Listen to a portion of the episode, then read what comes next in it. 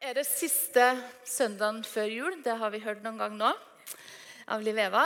Og så er det siste undervisninga om Jesaja, eller fra Jesaja, og om forventning. Eh, og jeg tenker jo at Jul er kanskje den tida hvor det er knytta aller mest forventning. Kanskje både på godt og på vondt.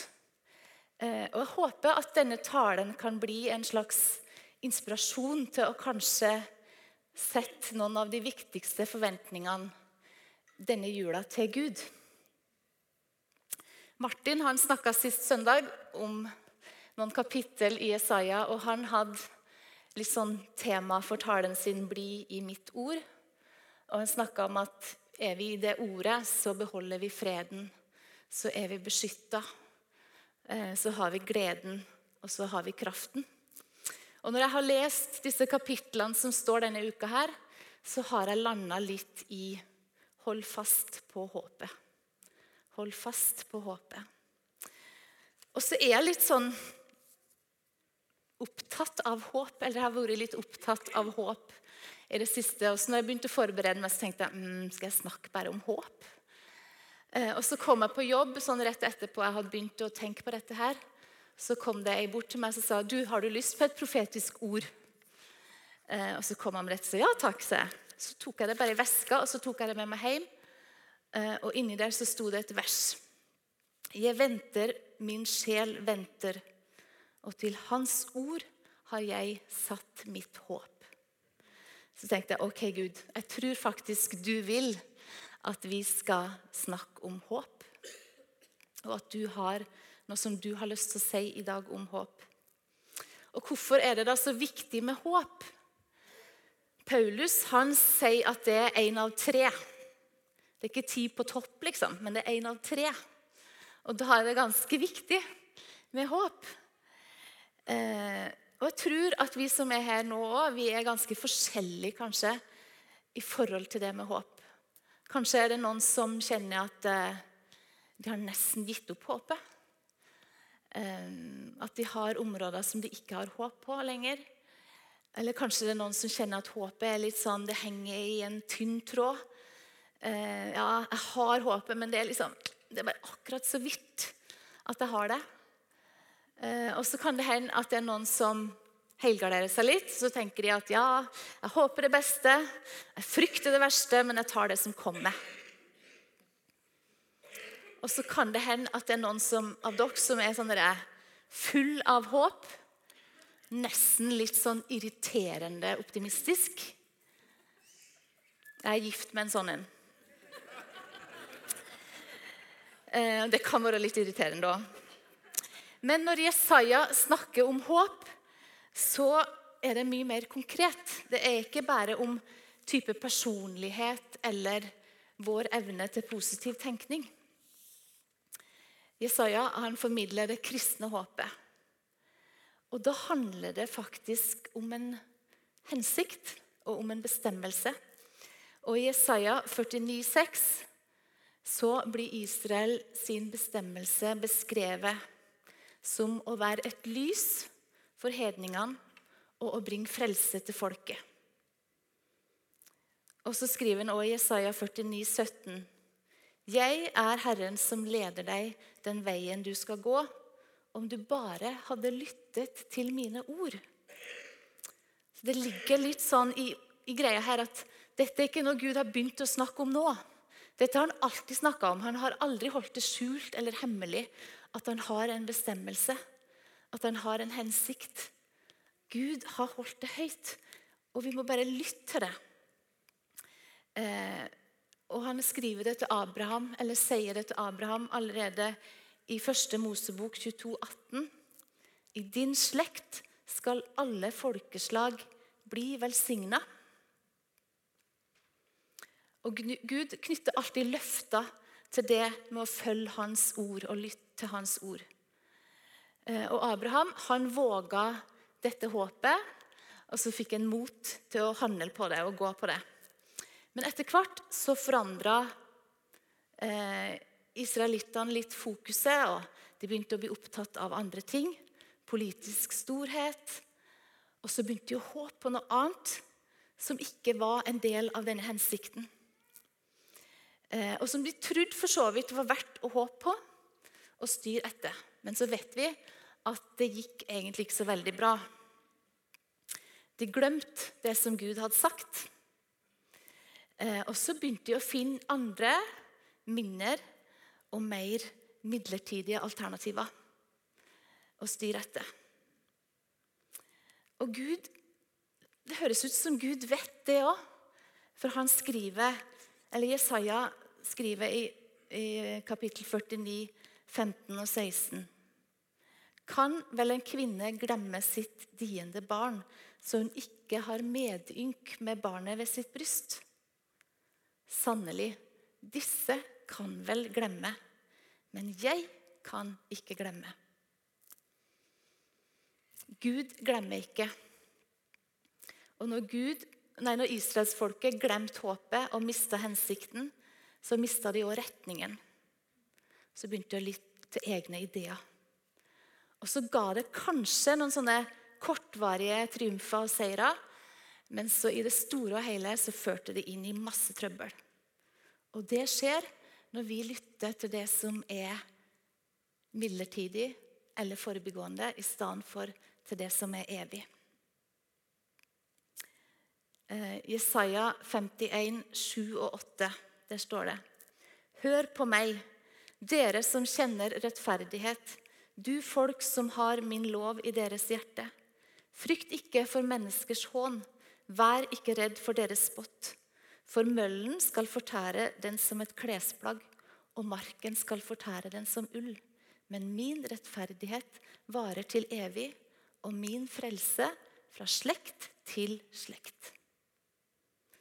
Og det er ganske mange ting som vi kan frykte for, og som vi kan håpe på, eh, men som er ganske så kortvarig.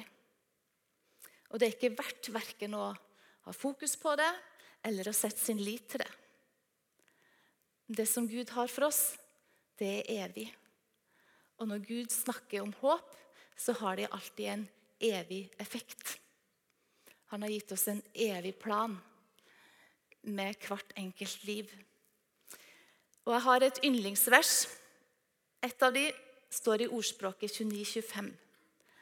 Der står det Den som frykter mennesker, setter fella for seg selv, men den som stoler på Herren, er trygg.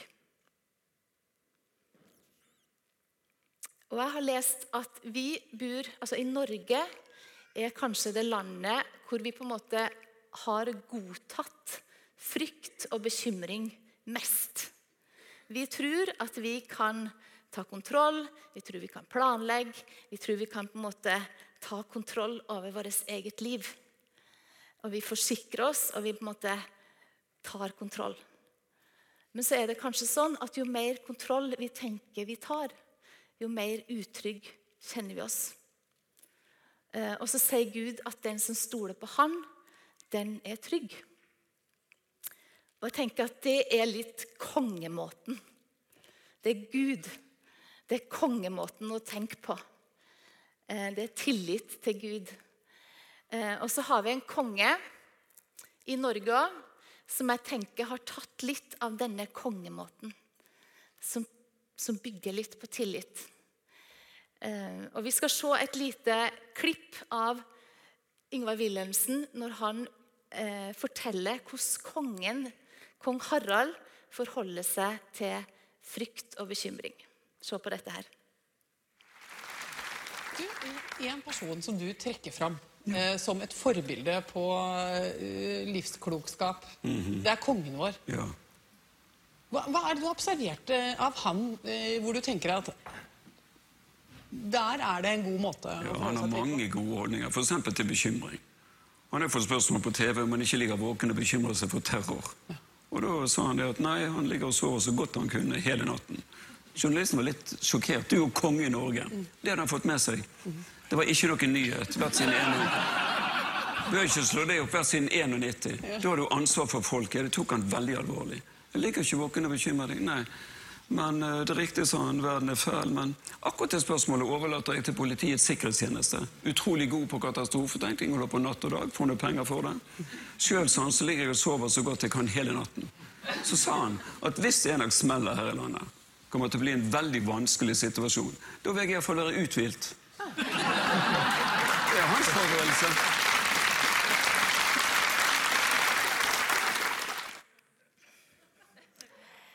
Eh, kongen han tok et valg om å stole på, kanskje akkurat i denne sammen ikke på Gud, men på sikkerhetspolitiet. Og det gjorde at han var trygg. Det gjorde i hvert fall at han ikke mista nattesøvn. Eh, og alle de som er uten håp, de forventer egentlig det verste. Eh, og det krever tillit å forvente det beste. Eh, og Jesaja han driver på nytt og bygger opp den tilliten som israelsfolket trenger eh, å ha til Gud. Fire ganger i løpet av elleve kapittel så skriver Jesaja, Jesaja om det aller beste som er i vente, nemlig Jesus.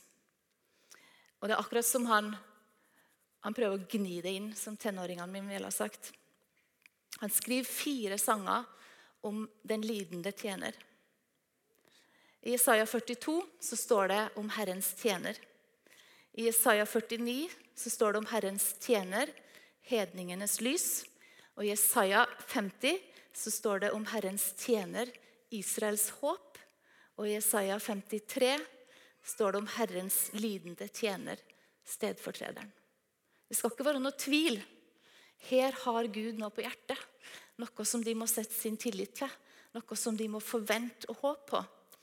Eh, og Vi skal lese kanskje det aller mest kjente versene eh, om den lidende tjener, som står i Jesaja 53, 5-8.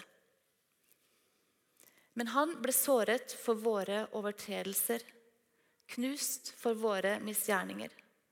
Straffen lå på ham for at vi skulle ha fred, og ved hans sår har vi fått legedom. Han ble mishandlet og plaget, men han opplot ikke sin munn. Lik et lam som føres bort og slaktes, og lik et får som tier når de klipper det. Han opplot ikke sin munn. Ved trengsel og ved dom ble han revet bort. Mange århundrer før Jesus ble født, så gir Jesaja en sånn øyevitneskildring av hva som skulle skje med Jesus de siste minuttene hans på jorda. Og, og, sier, og, Jesaja sier, 'Lytt til dette. Hør på dette. Stol på det. Sett deres lit til Han.' Her er håpet. Her er lyset, og her er frelsen. Og så kan jeg faktisk forstå at det måtte være litt vanskelig for israelsfolket å tro på dette her. Det hadde jo ikke skjedd ennå.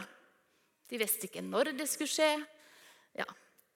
Eh, og I tillegg så samsvarte jo ikke disse skildringene av den lidende tjeneren med det som de hadde satt sitt håp til, eller det som de forventa. For de forventa nemlig en seirende fyrste, en mektig fyrste. Ikke en lidende tjener. Og de lengta etter triumf. Og Så langt så hadde jo de triumfene de har hatt, vært veldig midlertidige og veldig forbigående. Og et håp uten eh, en evig effekt er forbigående. Og hvis det ikke har evig effekt, er det da et håp? Og Så bekrefter Jesus sjøl i, i Lukas 4,20 at han er oppfyllelsen av dette profetordet. Han er kommet. Nå er det oppfylt. Og det er mange andre nytestamentlige forfattere som sier at Jesus han er den lidende tjener. Så nå har det skjedd.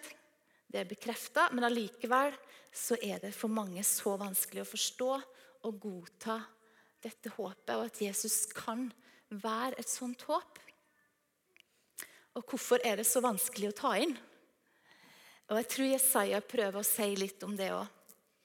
I Jesaja 55, 8 og 9 så står det Guds tanker er høyere enn våre tanker, Og hans veier er ikke våre veier.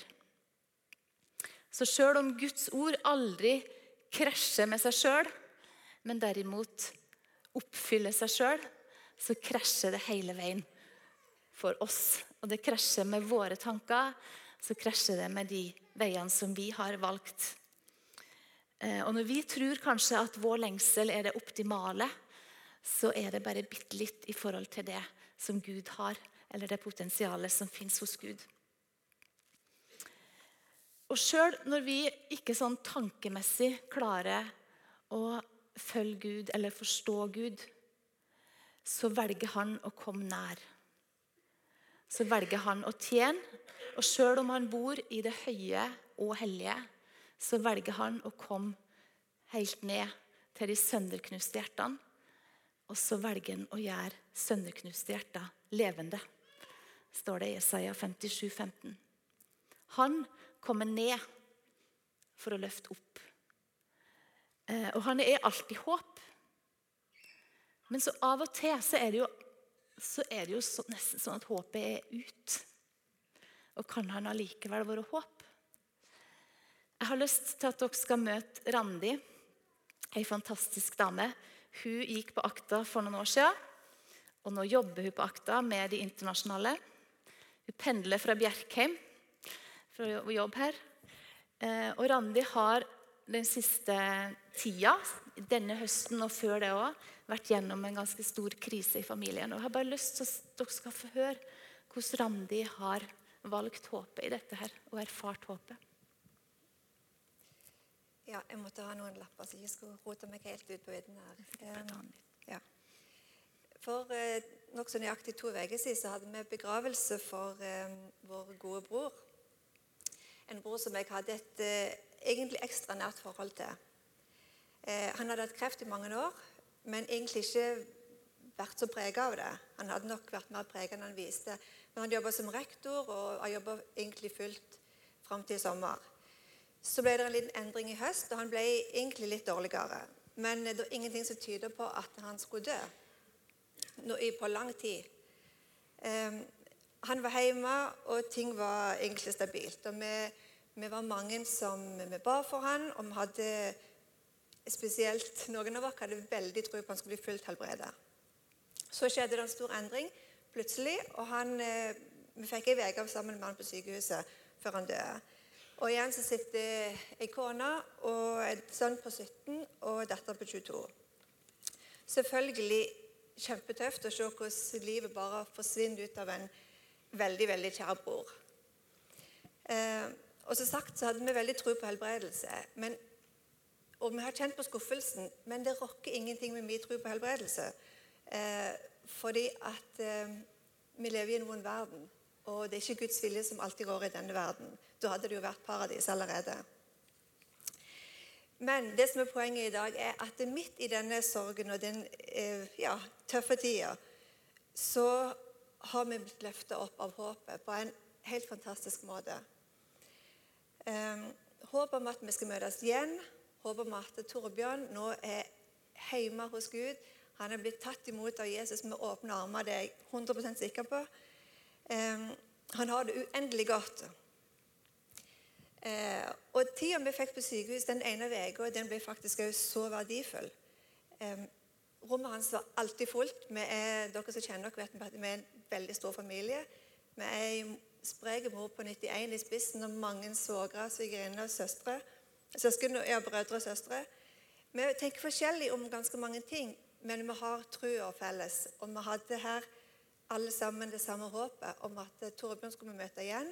Og han gikk bare før oss.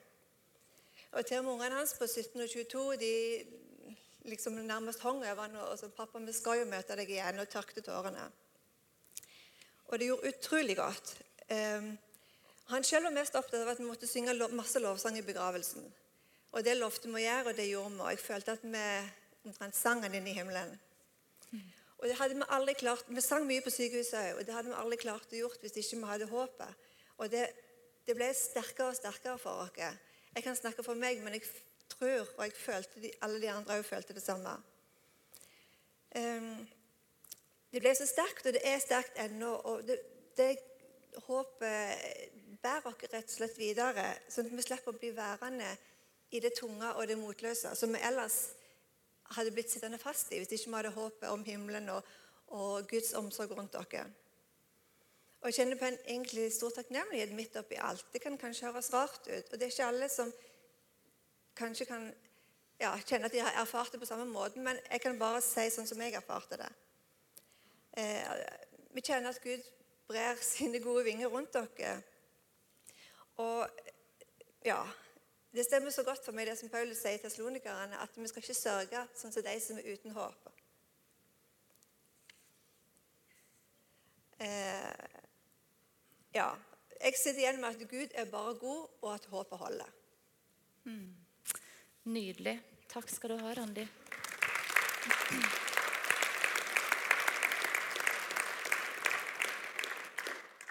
Du har båret dette håpet, og du har blitt båret av det.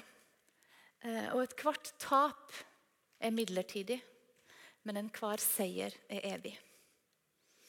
Eh, og Gud han har designa oss til å bære dette håpet. Til å være hans vesen. Og vi er bærere av et håp som verden trenger.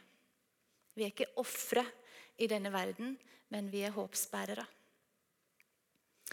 Og For å klare det så tror jeg dette håpet må, sånn som Randi beskriver det så fint, så må håpet få lov til å være anker. Så må det få være holdepunkt i livet mitt.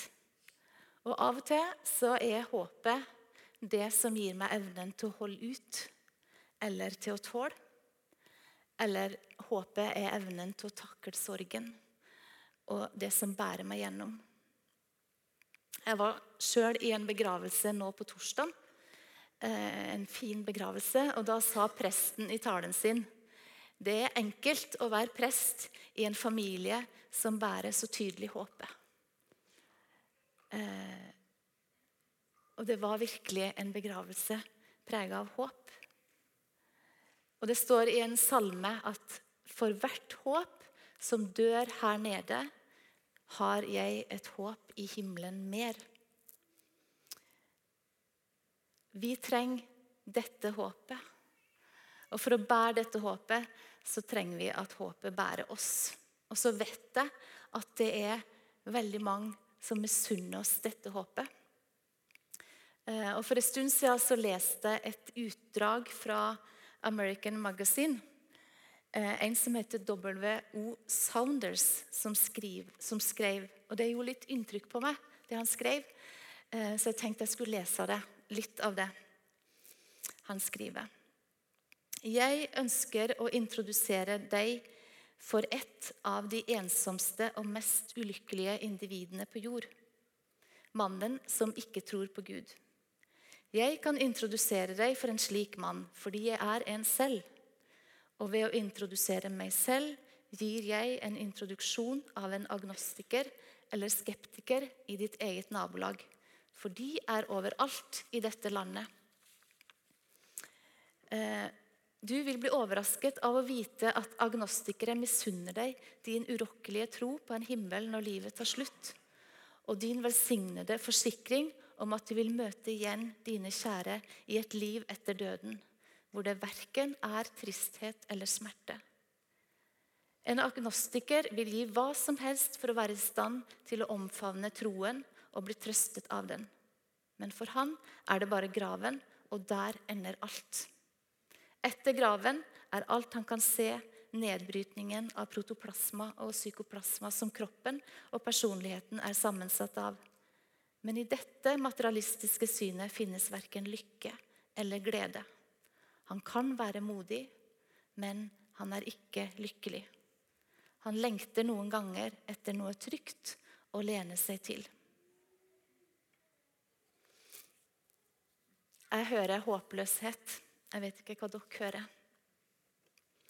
Og Vi som er hans, vi har størst grunn til å kjenne håp. Og når det, når det er håp, så trenger vi faktisk ikke bare å forvente det som vi har erfart så langt. Jeg kan forvente noe mer. Jeg kan forvente noe større. Og jeg kan lett det håpet eh, prege meg. Eh, for han har designa meg til å bære det. Og løftene som han gir, de kan hjelpe meg til å holde fast på det gjennom alle slags situasjoner. Og Egil Svartdal, når han var her, så snakka han om det håpet. Eh, og har jeg det håpet, så har jeg nok til å dø og leve på. Og vi snakker ikke om blindt håp. Håp uten grunn eller positiv tenkning eller å late som om alt er bra. Eh, vi snakker om et håp som er forankra hos Gud. Og i relasjon til en Gud som er god, så kan jeg faktisk alltid forvente noe godt. Men så er det jo det med skuffelser, da. Vi håper at de skal bli helbreda, men så dør de, som Randi forteller. Og Det er mange som ikke velger håpet i frykt for å bli skuffa. Og så blir vi redd for å skape håp. Vi trenger ikke å skape håp. Gud er håp uansett. Og de gangene vi ikke forstår det, og de gangene vi blir skuffa, så er han håp. Og hvis vi fortsetter å forholde oss til han i skuffelsen, så kan han gi håp òg i den. Og like sikkert som jeg vet at alle mennesker som jeg kjenner, på et eller annet punkt så kommer de til å skuffe meg, så vet jeg at Gud ikke kommer til å gjøre det. Han kommer ikke til å skuffe meg.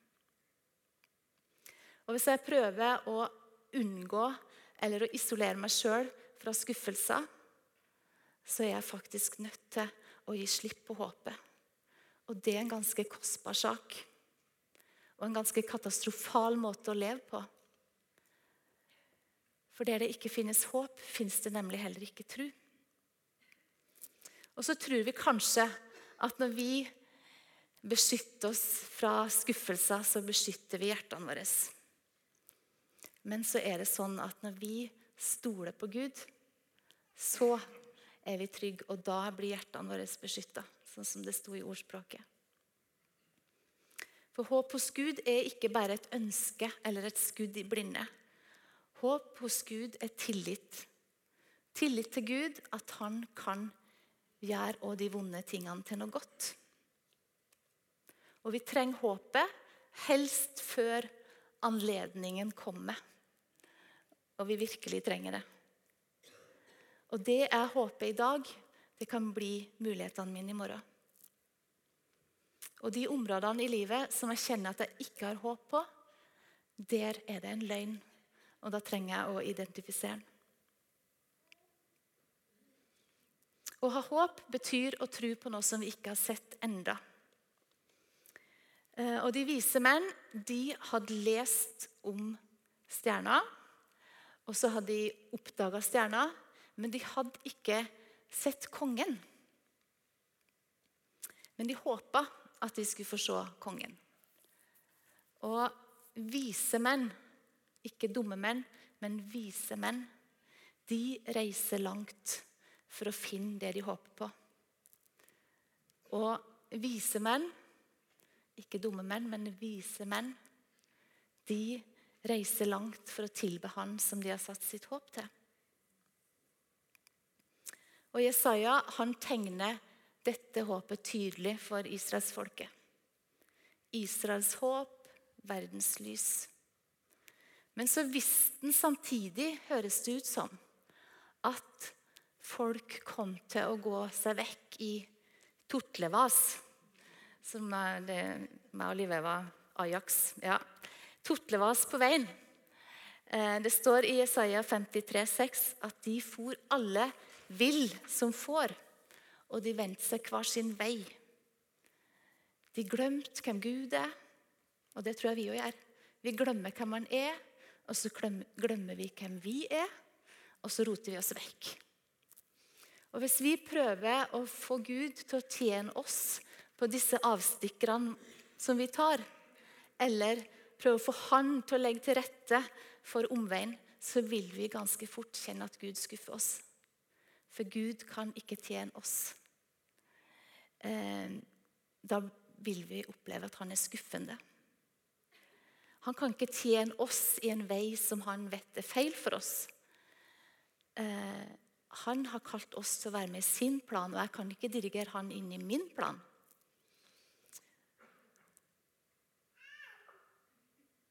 Jeg kan ikke få han til å passe inn i mine altfor små tanker. Eller jeg kan ikke få han til å støtte meg i min frykt for skuffelse. Eller jeg kan ikke få han til å godta de løgnene som begrenser meg. Eller som hindrer meg i å eh, la det håpet lede meg.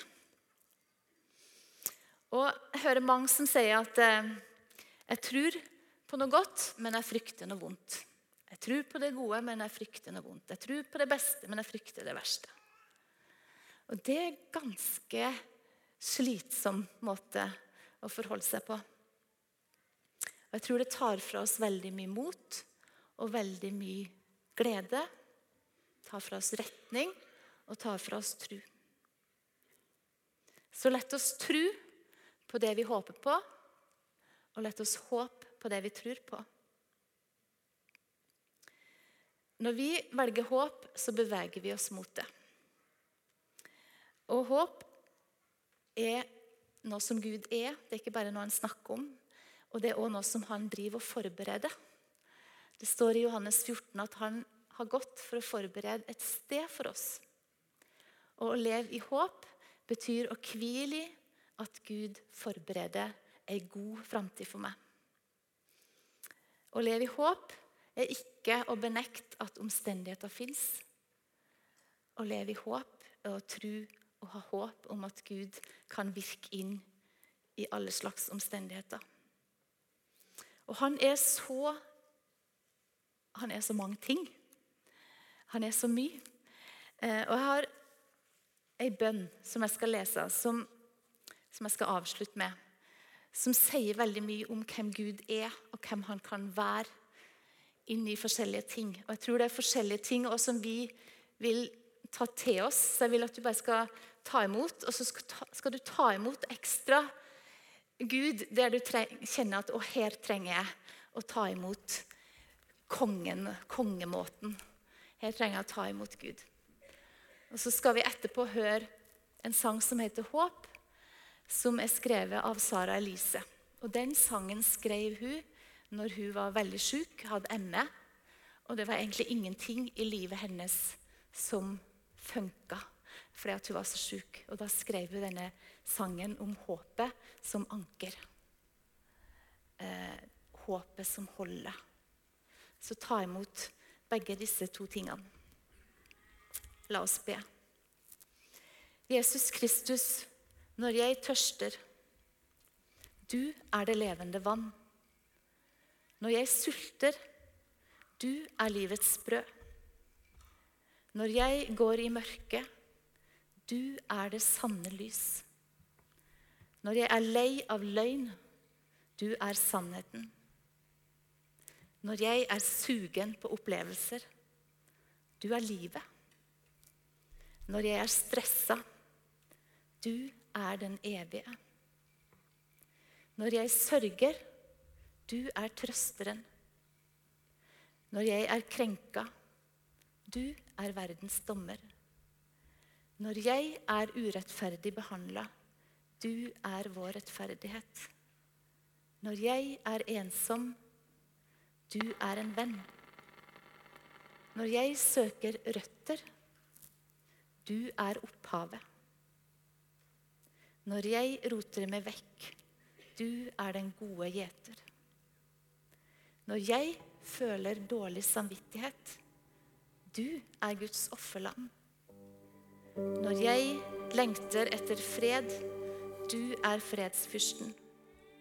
Og når jeg famler etter veien videre, du er underfull rådgiver.